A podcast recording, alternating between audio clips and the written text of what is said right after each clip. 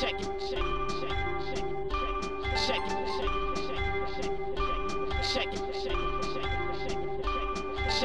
Zapraszamy na kolejny odcinek podcastu Codrive.pl, a w nim ruszamy na legendarną Imolę. Cezary wspomina, jak wyglądały wydarzenia z 1994 roku. Natomiast Aldona, choć zdaniem niektórych nie była na Imoli, to oprowadza nas po autodromo Enzo Edino Ferrari. Analizujemy statystyki dotyczące tego toru. Jest wąsko, szybko i ekscytująco. Ale czy te składniki złożą się na dobre ściganie? To być może sprawdzi pierwszy w tym roku sprint. Jak w tej formie sprawdzi się nowa era techniczna? Czekając na niedzielny wyścig, wspominamy co działo się w zeszłym roku. Krak Sarasela i Bottasa, figury na prostej Mika Schumachera i wielkie szczęście Louisa Hamiltona. Czy po tegorocznym Grand Prix też będziemy mieli tyle wspomnień? Nudna dominacja Ferrari, czyli czy zespoły zdołały przygotować działające poprawki na Imole? Zapraszamy! Dzień dobry wszystkim, witamy się z Wami po raz kolejny w następnym odcinku podcastu Codrive.pl. Tym razem ruszamy na Grand Prix e, delle Made in Italia e dell'Emilia Romagna 2022, dlatego że tak właśnie brzmi pełna nazwa. Nie wiem, czy ktokolwiek jest w stanie ją spamiętać, ale to co najważniejsze, ruszamy do Emilii Romani na tor, na tor Imola, na którym była Aldona właśnie w zeszłym roku. Jasiek, No. no. powiedziałeś Made in Italię. No właśnie się zastanawiam, jak to, czy tak bardziej po włosku, czy Made in Italia, czy Made in Italy. No, Made in no to Italy. Made in No. Italy, zostańmy przy tym w Made, takim made, razie. made, in, made, made in Italia. To w takim razie powiedz, Eee. Aldona, jak wygląda ta włoska robota Made in Italy? Czy było dużo Ferrari w zeszłym roku na, na trybunach? Bo pamiętam, na początku COVID-u był taki dosyć surrealistyczny widok, jak na Monzie były te obrazki ludzi umieszczone, więc jak już zostaliśmy wszyscy z klatek wypuszczeni, to musiało być bardzo szokujące, jak, jak na tor tifozi wjechali. To może ja zacznę, bo ja byłem wcześniej na Albo właśnie, bo, szczerze. bo dawniej byłeś. Tak, tak. Ja byłem na to, że Imela, znaczy po pierwsze Imela kojarzy mi się mm, najbardziej z taką dawną Formułą 1, t- no bo to jest tor, na którym zginął Ayrton Senna w 94 roku, tego chyba trzeba zacząć. Eee, I, I w ten sam weekend, tylko dzień wcześniej, Roland Ratzenberger w kwalifikacjach, kierowca taki austriacki, pasjonat wyścigów, e, płatny kierowca, ale taki lubiany. Senna się bardzo przejął tą śmiercią i kolejnego dnia no, no, słynny wypadek.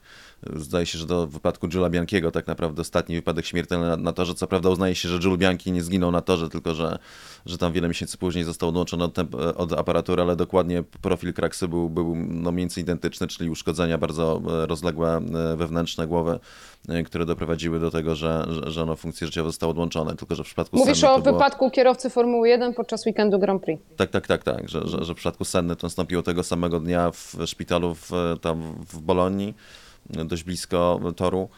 I Mola natomiast Bianchi był przez wiele miesięcy trzymany jeszcze, jeszcze na emeryturze, na, na, na aparaturze po prostu, więc, więc no, ale w zasadzie to było no, no, niemal identyczna sytuacja, jeśli chodzi, jeśli chodzi o, o wypadek i jego konsekwencje, tylko rozciągnięty w czasie, więc przyjmuje się tak naprawdę, że to jest ostatni taki, powiedzmy, ta Imola, taki śmiertelny wypadek, już na, na pewno taki ostatni szokujący weekend.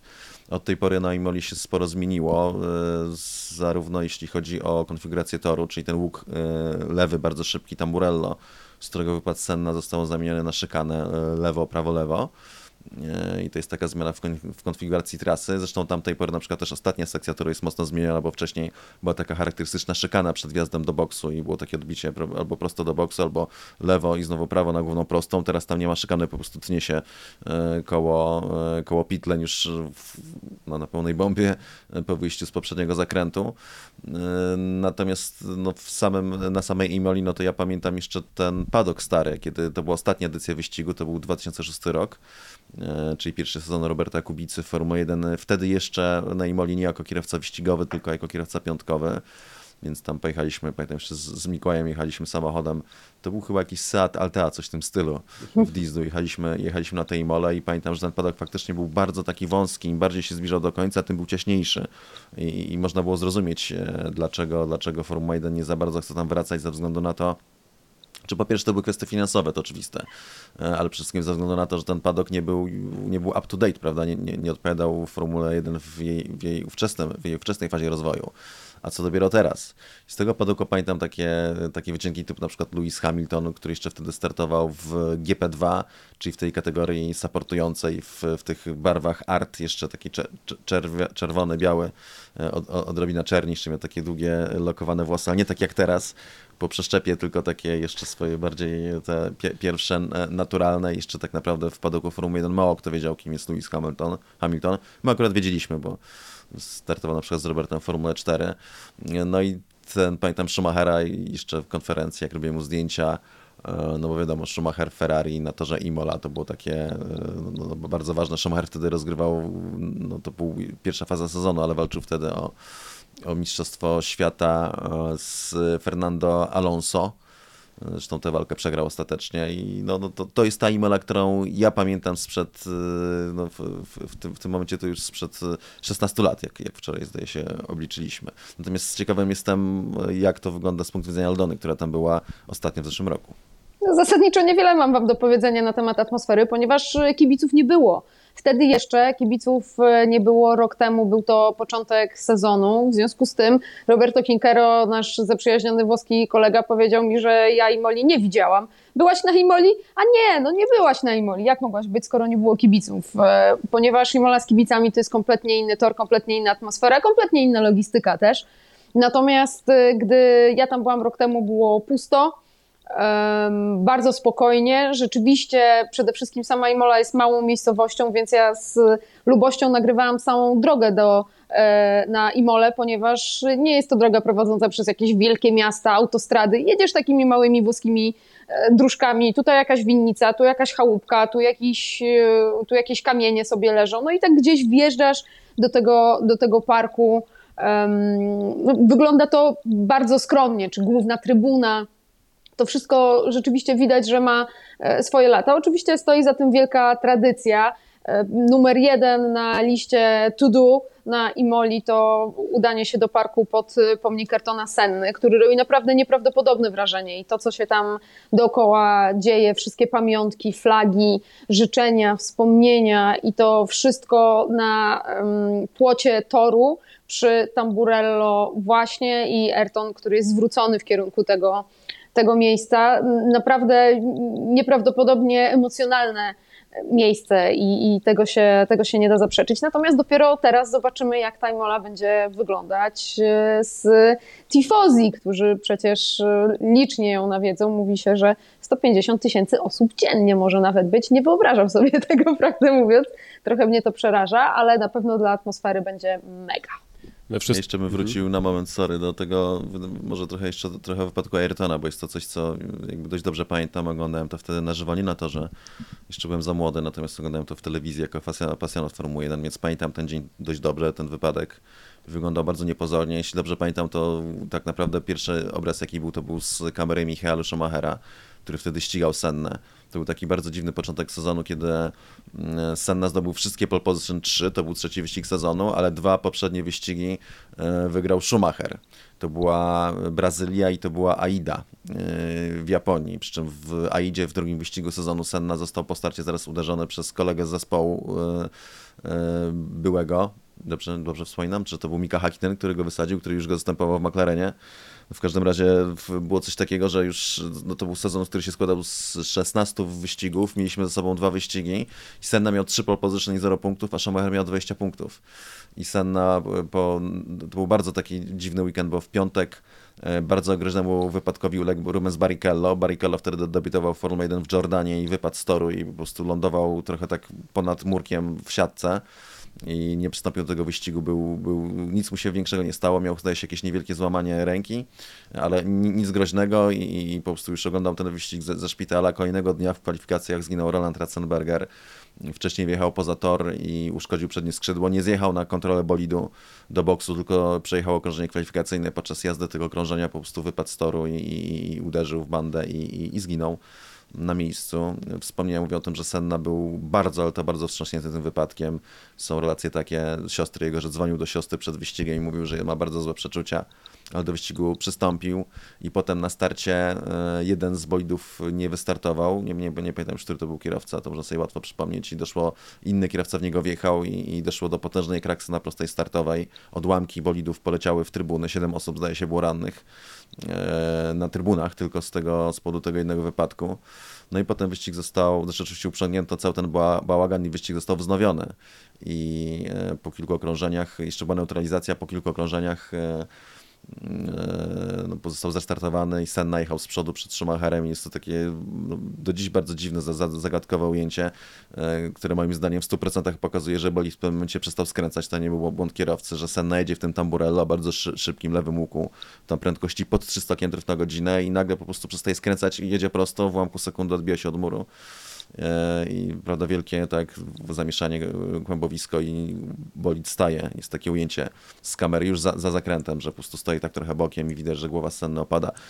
Ja pamiętam, że się udzieliśmy, że on poruszył głową, e, ale, ale no de facto to był, no to był taki e, no to, to, to, był, to, to była śmierć. Pamiętam, czytałem wspomnienia znowu Sida Watkinsa, który był wtedy medykiem całym Formuły 1 głównym i który jechał oczywiście za stawką w samochodzie medycznym i, i jest wzruszający opis w jego książce, że, że, że on pisze, że on nie jest osobą, która jest zwierzęca, ale, ale mówi, że sen na prostu wydał jeden ostatni wydech i on wtedy poczuł, że, że jego dusza odeszła. Że to jest ten moment, kiedy bardzo to religijnie opisał, mimo tego, że on szczególnie jako neurochirurg no raczej nie, nie jest to dyscyplina, która skłania do jakiejś głębokiej wiary, jak mi się wydaje. I, I, no też to, co jest interesujące i też kontrowersyjne podczas tego weekendu, to to, że ten wyścig odbywał się dalej i udawano, że nie wiadomo, co się dzieje z Senną, podczas gdy on, Sid Watkins, wiedział od razu, że Senna już nie, nie obudzi się, bo zrobił prostą kontrolę e, po prostu światłem punktowym w, w oczy, jak źrenice nie zareagowały w ogóle, co, co przekonało Sida Watkinsa, że, że, że no po prostu mózg, mózg Ayrtona Senny już już nie żyje, że, że Sena się nie obudzi. Mimo tego wyścig był kontynuowany, kierowcy byli trzymani w niepewności, co się wydarzyło. E, oczywiście potem żadnego szampana na podium, nic w tym stylu. E, pod koniec sezonu Schumacher dedykował to mistrzostwo, przepraszam, się rozgadałem, ale to taka no, dużo wspomnień z tego. Mistrzostwo dedykował Sennie właśnie po tym wypadku. No i potem wielki proces we Włoszech, że mm, główne postaci Williamsa typu Frank Williams, Patrick Head i Adrian Newey, czyli teraz główny konstruktor e, Red Bulla, wtedy konstruktor e, Williamsa, e, ciągani po sądach i, i trzeba było załatwiać, żeby nie zostali aresztowani, jak przyjadą na Grand Prix Włoch właśnie w związku z tym dochodzeniem. Ostatecznie nigdy nie ustalono do końca, co się wydarzyło. Są różne teorie. Niektóre mówią, że Senna miał zbyt niskie ciśnienie opon w samochodzie i po prostu go wyrzucił z toru w pewnym momencie na, na wybojach. Mi się wydaje, że najbardziej trafiona jest jednak teoria o tym, że pękła na kierownicy, która została na życzenie Senny przerobiona, była z, po prostu spawana. No bo to wygląda, ewidentnie wygląda jak y, boli, nagle przestaje skręcać. To nie błąd kierowcy, tylko, tylko nagle nie jedzie w łuku, tylko po prostu jakby koło się uprostowały i, i jadą prosto w mur. I, i no w zasadzie tak, tak można podsumować chyba tę Imolę taką, e, taką. To ja tylko dodam, że ten proces trwał wiele lat, a e, osobą, która broniła Williamsa między innymi był David Coulthard, który wtedy był kierowcą testowym w trakcie. E, no bo właśnie, tak jak, tak jak mówi Cezary, było podejrzenie, że tutaj Williams zawinił ze względu na tę kolumnę kierownicy to takie tragiczne wspomnienie związane z e, Imolą i w pewien sposób, myślę, mistyczne, ale też dla kibiców, którzy tam pojawiają się na tym torze, pewnie też bardzo ważne. E, tak jak Waldona mówiłaś, ten pomnik musi być zawsze bardzo otoczony ludźmi, po prostu musi być tam przeżywane coś, coś niesamowitego, a sami kierowcy myślę, że też jeżdżąc po tak legendarnym obiekcie, który wrócił do Formuły 1 po, po latach, e, to musi być coś niesamowitego. To Pierre Gasly chyba w 2020 roku mówił, jak testowali Alfa Tauri, że to jest coś nieprawdopodobnego, jak poruszają się po tym torze te, te bolidy i sprawia to dużo radości.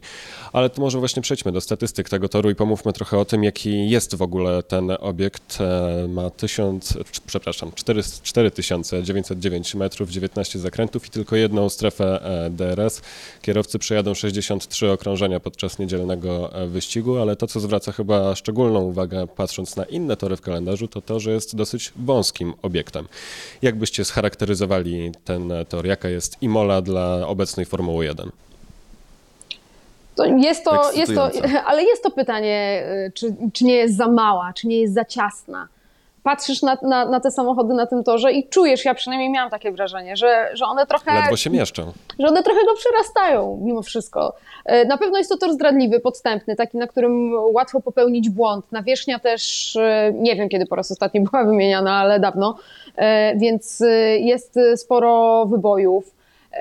Także nie jest to może tor jakiś super ekscytujący, jeśli chodzi o możliwości wyprzedzania, ale jest to tor, który na pewno dla kierowców stanowi bardzo duże wyzwanie.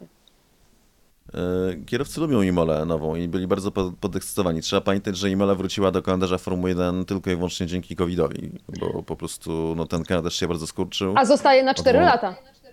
Tak, odwołano wiele wyścigów e, i, e, i Mola nagle dostała swoją szansę i kierowcy byli bardzo podekscytowani tym, jak jeździło się po tym torze, bo to jest duże wyzwanie. No mi się wydaje, że no, z całą pewnością nie jest tak wąska jak Monte Carlo, e, natomiast jest o wiele szybsza od Monte Carlo i jest to tor, który charakterystyką ostatecznie przypomina bardzo i Kanadę i trochę też Arabię Saudyjską, więc będzie to, to, to tor taki po Bahrajnie, który był inny, to będzie trzeci z rzędu tor, który ma dość podobną charakterystykę, bo jest tam dużo szybkich łuków, e, tylko że w Imoli jest dużo sekwencji, takich, że jest dużo lewo, prawo, lewo albo, albo na odwrót i jest to tor bardzo szybki, zrobił się jeszcze szybszy, odkąd usunięto to ostatnio wolną szykanę, więc, więc tak naprawdę jest tam może jedno takie miejsce, które jest naprawdę wolne, a tak cała reszta toru to są średnie i szybkie łuki. Tylko właśnie różnica jeszcze raz z Montrealem polega na tym, że y, na Imoli są, są to praktycznie jakieś tam sekwencje bardzo interesujące. Y, oglądałem po kilka, po kilka razy okrążenie zeszłoroczne Louisa Hamiltona na tym torze, który wygląda absolutnie fenomenalnie. Jest to wrzucanie samochodu, to jest tylko tak, tak wrzucasz szczególnie w tę sekwencję bolid i tylko czekasz na ten moment, kiedy wciśniesz but do końca. I to jest prostu ułamki sekund. Jakieś tam czasami schamowanie, wrzucasz i bum, od razu i jeszcze jesteś głęboko w zakręcie i już cię wynosi do wyjścia, e, więc musi być to tor, który daje ogromną frajdę kierowcom z jazdy, e, co też zresztą mówili i bardzo mi się podoba, natomiast e, no, nie jest to tor, który sprzyja wyprzedzaniu. E, choć zobaczymy w tym roku, prawda, to będzie to kolejny test dla tych zmian, e, dla tych zmian w Formule 1, jeśli chodzi o, o konfigurację bolidów i dla opon. Jest też tylko jedna strefa DRS. Myślicie, że to jest ryzyko, że to ściganie wcale nie będzie takie ekscytujące, jakbyśmy sobie wyobrażali? Czy to jest właśnie ten test, o którym mówisz dla nowych bolidów? No mi się wydaje, że bo ta strefa DRS, ona będzie po prostu wzdłuż głównej prostej, prawda? Tak, to, tak, to, to tak, jest tak. to jedyne miejsce. I tam jest faktycznie taki jeden bardzo długi odcinek, na którym e, moim zdaniem to, to zadziała po prostu. E, I to, to, to jakby uratuje ten tor. Cała reszta, to niby można było gdzieś wcisnąć tę strefę DRS, ale tak naprawdę cała reszta to jest e, właśnie szybki łuk, kawałek prostej, sekwencja łuków, kawałek prostej. Nie ma tam za bardzo takiego porządnego fragmentu toru, na którym te, ten DRS by się przydał, mówiąc w skrócie. Czy choćby po to, żeby jakoś E, zrobić wstęp do tej głównej strefy DRS, więc mi się wydaje akurat, że pod tą konfigurację toru e, to ta jedna strefa DRS e, wystarczy i, i wierzę, że będzie tam nie mało walki, tym bardziej, że było nawet w poprzedniej formule było, było też kilka, mimo że tam jest wąsko, było kilka ciekawych akcji. Może dzięki opadom deszczu, ale jednak, ale jednak tak się działo. A ma padać też w ten weekend. Także Cezary, tak. pakuj parasol. Mhm. To prawda, prognoza tak, tak. pogody tak... A, naprawdę dobrze i kalosze. Pakujcie gumiaki, żebyście nie zmokli, mogli nam wszystko transmitować, ale ten weekend jest także wyjątkowy i myślę, że będzie też dużym testem dla nowej e, ery technicznej, ponieważ to jest też pierwszy w tym roku weekend z sprintem. E, więc cała zabawa zaczyna nam się w piątek o 13.30 pierwszym treningiem, no i zaledwie 3,5 godziny później ruszają kwalifikacje do e, sprintu, więc tak sobie myślę, że patrząc na to, ile problemów było do tej pory z morświnowaniem, z ustawianiem bolidów i z wpasowaniem się w ustawienia na dany tor, to ten weekend może być szczególnie wymagający dla, dla wielu ekip. Jak widzicie, ten sprint, który będzie na Imoli, będzie faktycznie takim dużym wyzwaniem i testem, czy jednak wszyscy będą bezpiecznie jakoś starali się opracować po prostu taktykę na ten weekend? Może Aldona. No słuchajcie, to jest mega ciekawa sprawa tak naprawdę, bo e, zawsze jak e, Formuła 1 wracała do Europy, no to spotykaliśmy się najczęściej w tej Hiszpanii, mówiliśmy początek sezonu europejskiego, no to pierwsze duże poprawki, jedziemy.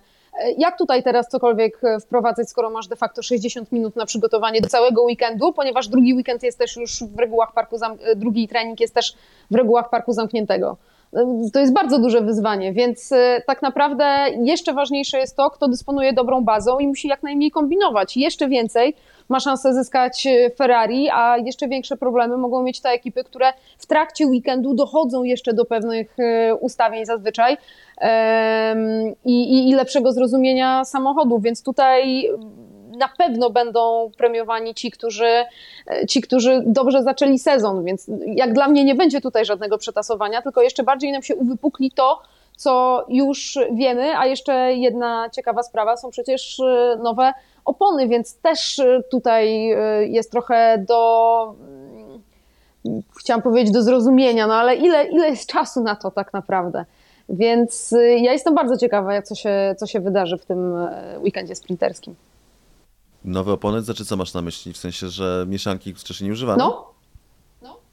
Bo co będzie. W, nie, mam na myśli, mam na myśli że, w ogóle, że w ogóle mieszanki są inne na ten, na ten rok, 18-calówki i tak, wiesz, no cały czas jesteś, jesteś w obszarze e, dogadywania się z tymi oponami i dużo mówiliśmy, jak to Ferrari super, a Red Bull no może niekoniecznie, bo granulkowanie i te opony im się przynajmniej w Australii zjadały strasznie. Bo co do opon to mamy C2, C3, C4, więc mhm. tutaj Aha, nowości znane, nie znane. Tak. Czyli C2 ta mieszanka, która wytrzymuje wszystkie wyścigi, najbardziej niesamowita mieszanka ze wszystkich. Zresztą no, jestem fanem tej mieszanki. Mi się wydaje, że jest potencjał na niespodzianki w tym względzie, że Red Bull w Australii to był pierwszy wyścig, kiedy Red Bull wyraźnie odstawał od Ferrari jest szansa, że się podciągną podczas tego weekendu, jeżeli po pierwsze no, oni się muszą porać z problemami z ustawieniami, a po drugie Red Bull no, z jednej strony mówi, że wprowadzą większe y, poprawki i to mówił Helmut Marko, potem jednak okazało się, Christian Horner powiedział, że nie będzie dużych upgrade'ów z tego powodu, który podała Aldona. I w zasadzie żaden zespół nie bierze jakichś poważniejszych poprawek, chociaż Red Bull jednak ma mieć, to jest, mi się wydaje, to wisi tak trochę w, w połowie, y, czyli no przede wszystkim Red Bull odchudza bolid i ponoć na Imole miał zdjąć sporo kilogramów z samochodu, to może być ten czynnik, który trochę wyrówna szansę. Helmut Marko, e, no, czyli taka szara eminencja Red Bulla, e, taki, taki no, nie wiem, czy taki, no niby szef, szefem takim operacyjnym jest Christian Horner, ale, ale to jest taki du duet, prawda, taki tandem ludzi, którzy rządzą i Helmut zawsze ma więcej do powiedzenia. Marko powiedział, że 10 kg to jest ta nadwaga względem Ferrari. 10 kg to są 3,4 sekundy na okrążeniu, więc jeżeli oni zdejmą chociaż tą, tę połowę, E, tej masy, to już e, zniwelują stratę do Ferrari, która była widoczna w Australii. I tu jest faktycznie duża nadzieja na to, że Red Bull się podciągnie w kierunku Ferrari. Natomiast największym problemem Red Bulla ostatecznie, już, już jeśli chodzi o, o, o tę rywalizację, E, to nie są te kwestie prędkości, bo Red Bull pokazał w dwóch pierwszych wyścigach, że prędkość ma, tylko to są kwestie takie, A, że. E, powiedział Verstappen... Już ci chciałam przerywać, ale szczęśliwie powiedziałeś, że w dwóch pierwszych wyścigach pokazał, że prędkość ma, więc tak, tak, tak tutaj tak, tak, pełna tak. zgoda. Dalej. Aha. E, a teraz już trochę przepraszam. Ale że nie jest to kwestia prędkości, bo Red Bull prędkość ma, a Verstappen tak, Verstappen tak. A Verstappen mówił, że ten bolid nigdy się dobrze nie prowadził. E, że nigdy nie był dobrze wyważony. I tutaj, tutaj jest problem, jeśli chodzi o Red Bulla, więc ale to jest z kolei taki problem, który w pewnym sensie można rozwiązać. Znaczy, z jednej strony ta charakterystyka bolidu prawdopodobnie zawsze będzie taka, że nie będzie tak przyjazna jak Ferrari po prostu, bo to jest kwestia jakiejś takiej fundamentalnej konstrukcji bolidu. Natomiast zawsze jest to coś, co można poprawiać, więc jeżeli Red Bull po pierwsze zdejmie parę tych kilogramów, typu nie wiem, 5, 6, 7, to już e, to, jest absolutnie niezawodny i pewny zysk czasu, bo to jest, nie wymaga niczego innego. Masz mniej kilogramów, jesteś szybszy i, i, i tyle, prawda? Nie wymaga żadnego, żadnego dostrojenia. E, no, jedyne co, to trzeba sprawdzić, czy bolid nie będzie mniej wytrzymały, prawda? Czy się nie pojawią jakieś inne problemy, bo jest mniej materiału no to to inna rzecz, ale poza tym ten zysk czasu jest niezależny od, od niczego, po prostu od zestrojenia silnika, od zestrojenia aerodynamiki, mechaniki, to po prostu zawsze będzie to zysk czasu. Więc jeżeli oni to wyciągną i druga rzecz, że ten bolid będzie lepiej zbalansowany, albo nawet po raz pierwszy w tym roku będzie dobrze zbalansowany, to mogą bardzo dużo zyskać, dlatego że wraz ze zbalansowaniem bolidu przyjdzie też lepsza, e, lepsze zużycie opon. To są rzeczy ze sobą powiązane. Jeżeli bolid będzie dobrze zbalansowany, to te opony nie będą się zużywać aż tak szybko. No to słuchajcie, sobota godzina 16.30 gasną czerwone światła do sprintu. Zakładamy, że będzie deszczowo. I co, wszyscy będą spokojnie jechać w wężyku i czekamy na niedzielny wyścig, czy jednak będą się rozpychali? No, słuchajcie, to też jest y, dobre pytanie, ponieważ y, zmieniono trochę reguły i y, po pierwsze jedna reguła no, kosmetyczna, ale istotna, czyli zdobywca pole position to jest zwycięzca piątkowych kwalifikacji, a nie zwycięzca sobotniego sprintu, ale po drugie w tymże sprincie punktuje ośmiu kierowców. E, I teraz o ile, e, o ile powiedzmy ta jednopunktowa różnica między nie wiem, czwartym, piątym, drugim, trzecim miejscem może nie jest jakaś gigantyczna i nie jest czymś, o co, o co e, kierowcy będą się zabijać, o tyle może być tak, że dla kogoś, kto startował gdzieś tam z początku drugiej dziesiątki, może być to jedyna szansa na punkty podczas całego weekendu i tutaj mogą chcieć zaryzykować coś więcej. Pamiętacie Fernando Alonso na Silverstone, gdy, gdy wprowadzaliśmy w ogóle sprint, gdy po raz pierwszy to oglądaliśmy jego pogoń na, na miękkich oponach, więc y, no znów dużo, dużo elementów, dużo składowych do tego, żeby, żeby naprawdę dużo się działo. Też uważam, że będzie się działo trochę więcej, nawet nie tylko ze względu na deszcz, jeżeli to pozwoli, dlatego że jest więcej punktów do zdobycia mm. i to jest bardzo ważne. I każdy z tych punktów będzie cenny. Więc w całym przekraju stawki powinno być więcej walki, a szczególnie też właśnie w, no w zeszłym roku był to system 3-2-1, czyli tylko trzy, trzy pierwsze miejsca y, punktowały i to nie była duża premia punktowa.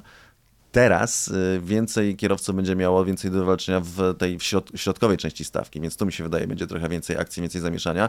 Z drugiej strony różnice punktowe to jest tylko jeden, czyli mamy 8, 7, 6, 5, 4, 3, 2, 1, co oznacza, że y, to nie jest tak, że między pierwszym a drugim miejscem masz tak dużą różnicę punktów, że będziesz się zabijał o to, żeby ten wyścig wygrać nie do końca to. To będzie kwestia tego, żeby jednak y, bardziej pozycji startowej. Pamiętajmy, że w niedzielnym wyścigu, tym głównym, normalnym, kierowcy będą startowali wedle kolejności z y, wyścigu sobotniego, więc to raczej ważniejsza, ważniejsza będzie rozgrywka pole startowe, choć też mi się wydaje, że jeżeli się okaże, że w tym wyścigu wyprzedzanie jest możliwe, to też nie będzie takiego, aż takiej sieczki. No zobaczymy, to może być taki y, wyścig trochę niespodzianka. Natomiast mam do was pytanie i o to pole position. Czy uważacie, że dobrze Formuła 1 zrobiła, że teraz pole position będzie przysługiwało za wygranie kwalifikacji? Absolutnie, że tak, ponieważ to jest idea pole position. Myślisz pole position, myślisz człowiek, który był najszybszy na jednym okrążeniu. Nie na dystansie 100 km, na jednym okrążeniu. Więc ja jestem na tak. A właśnie... Jasiek? Też, też zdecydowanie się zgadzam. Czasówka to jest pole position. No tak, ale z drugiej strony pole position to jest pierwsze pole startowe, więc y, z jednej strony zdobywasz pole position faktycznie. No tak, pole e, position. ale z drugiej tak, kto startuje z pierwszego pola no, okay. i mamy dwa wyścigi, w którym będą dwa starty. Pierwszy już nie jest udawanie, że to jest e, sprint kwalifikacyjny, że to nie, nie jest wyścig, już e, ostatecznie już FIA i Formuła 1 tak, przyznają, że to jednak też jest wyścig, tylko powiedzmy sprint, tak, jest dyskusyjnie nazywany. Natomiast e, no, bo, bo, też się na tym zastanawiałem i czytałem kilka różnych opinii i jednak najbliższa memu sercu opinia jest taka, że tak naprawdę z pole position startuje kierowca, który startuje z pole position, z pierwszego pola, więc tak naprawdę powinny być dwa pole position w ten weekend przyznawane. Jedno za start e, do sprintu w sobotę, a drugie za start No, no dobra, no ale to znów wracamy do tej dyskusji, jak się ma to do sytuacji, w której ktoś wygrywa kwalifikację, a nie startuje z pierwszego pola, bo ma, nie wiem, karę, awarię, wiesz, no, Schumacher. Ale zdobywcą pole position jest. Mm.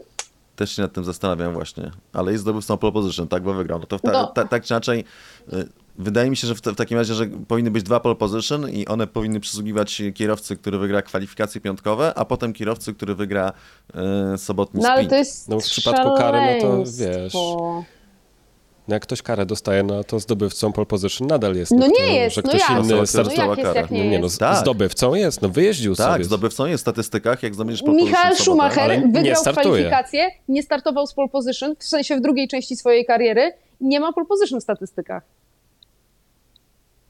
No. Naprawdę?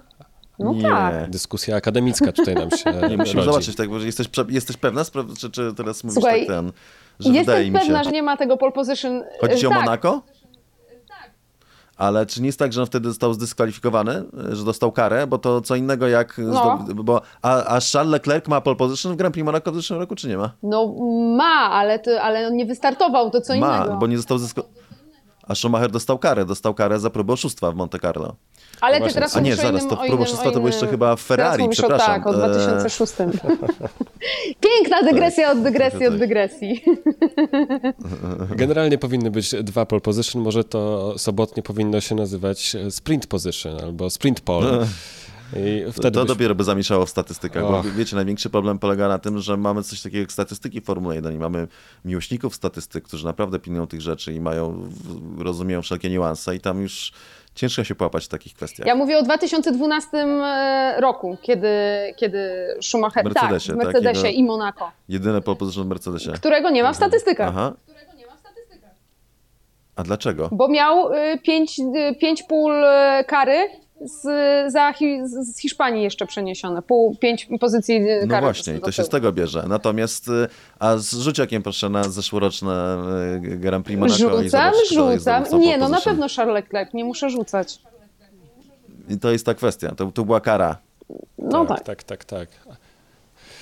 No słuchajcie, no to w takim razie e, taki wątek e, positionowy nam się e, zrobił, ale jeszcze warto by sobie przypomnieć to, co działo się w zeszłym roku, tak już przygotowując się powoli do tego niedzielnego wyścigu. Ścigaliśmy się w połowie po mokrym torze, tak było na początku i to dużo emocji nam dodało, dlatego że Max Verstappen już w pierwszym zakręcie ścigał się z Lewisem Hamiltonem i to był chyba taki pierwszy znak dla nas, że to będzie faktycznie ostry i solidny sezon, czego potwierdzenia potem mieliśmy do końca już e, roku. Nicolas Latifi zderzył się z Nikitą Mazepinem, co także uskutecznia do dzisiaj, e, więc em, Nicolas jest nadal w takiej samej formie. Mick Schumacher uszkodził swoje przednie skrzydło podczas neutralizacji, gdy jechali za samochodem bezpieczeństwa, to na prostej startowej e, raczył uderzyć dziobem w bandę.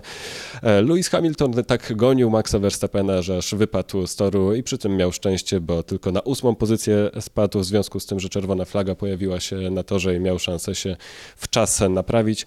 No i dogonił tego Maxa, dojechał na drugim miejscu 22 sekundy za nim, a na trzecim miejscu Lando Norris, który błyszczał w zeszłym roku, przynajmniej przez pewien czas. Piękny to był wyścig, prawda? Jak mogłeś nie wspomnieć o Russellu i Botasie? Tak, to jest jeszcze rzecz, która faktycznie zasługuje na swój osobny taki Toż kącik. to, toż to wielki rozdział w karierze George'a Russella, niechlubny, który o mały włos nie zakończyłby się tym, że. No nie, chyba nie. Chciałam powiedzieć, że nie zakończyłby się tym, że ten awans do Mercedesa byłby pod znakiem zapytania albo opóźniony. Nie, też chyba to, jak jednak e, zostało to wtedy rozsądzone przez Mercedesa, pokazuje, że George e, miał tam pewne papiery bez względu na wszystko, a Walteri nie. Ale wiesz, No ja bym dyskutował. tak z drugiej zdaniem strony, to... George tym e, małym incydentem zapewnił Lewisowi możliwość powrotu do walki jeszcze w tym e, wyścigu, więc wiesz, z perspektywy czasu inaczej na to wszystko patrzymy. To był bardzo znaczący incydent. E, Po pierwsze jego przebieg był taki, no na dwoje babka wróżył, ale jednak to George pojechał nazbyt opty- optymistycznie, ale on miał po prostu w głowie jakby, jakby trochę to szaleństwo, tak, że jedzie Williamsem i Williamsem może przecież kierowca Mercedesa. Mercedesa, kierowca, na którego fotel jest przy, przymierzany i to było takie now or never. E, I podjął ten szaleńczy atak, to był szaleńczy atak. E, Potem całe wszystkie te reakcje, jak wysiadł z samochodu, jak wyklinał, jak się rzucał na Bottasa. Dokładnie. Z dzisiejszej perspektywy bardzo fajnie George mówi, że tylko sobie zaszkodził w ogóle, że i, i, i, że, i że tak naprawdę no, no, no to był taki moment, kiedy teraz na to patrzy z perspektywy czasu sobie myśli, że co ty w ogóle zrobiłeś. No ale mi się wydaje, że kierowca ma prawo do, do takich zachowań, bo to są emocje. W Formule 1, tak, w sporcie, który jest, y, no, no co dużo być, y, konsekwencje błędu mogą być śmiertelne. A był to bardzo poważny wypadek e, i też miał bardzo poważne konsekwencje, jeśli chodzi o te kwestie limitów budżetowych. E, I to był moim zdaniem taki moment, kiedy jednak to wisiało trochę pod znakiem zapytania. Toto Wolf nie był zachwycony. Też padł pod opinii publicznej, bo powiedział, że kierowca, który chce jeździć w Mercedesie, to powinien jednak trochę mądrze jeździć. Pojawiły się zaraz jakieś głosy, co on mówi w ogóle przy jeździ w innym zespole i tak dalej.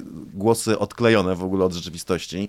E, I rację miał Wolf wtedy, że no sorry, ale jeżeli myślisz o startach w, tak, w danej ekipie, to jednak musisz się zastanowić nad tym, że, żeby, żeby tej ekipie nie utrudniać życia. Tak? Nie chodzi o to, żeby nie atakować, tylko chodzi o to, żeby nie atakować w sposób, który może doprowadzić do takiej, do takiej kraksy. Tak? A, ewidentnie ostatecznie wina leżała po stronie George'a, a jednak okazało się na koniec, że George, e, że, że George to miejsce w Mercedesie dostał i moim zdaniem w pełni zasłużenie. Tak? Teraz dzięki temu mamy bardzo fajną wewnętrzną rozgrywkę. Natomiast Inna rzecz, która, jeszcze dwie, dwie chciałem zwrócić uwagę, bo był to wy- wyścig bardzo ważny taki z kilku powodów.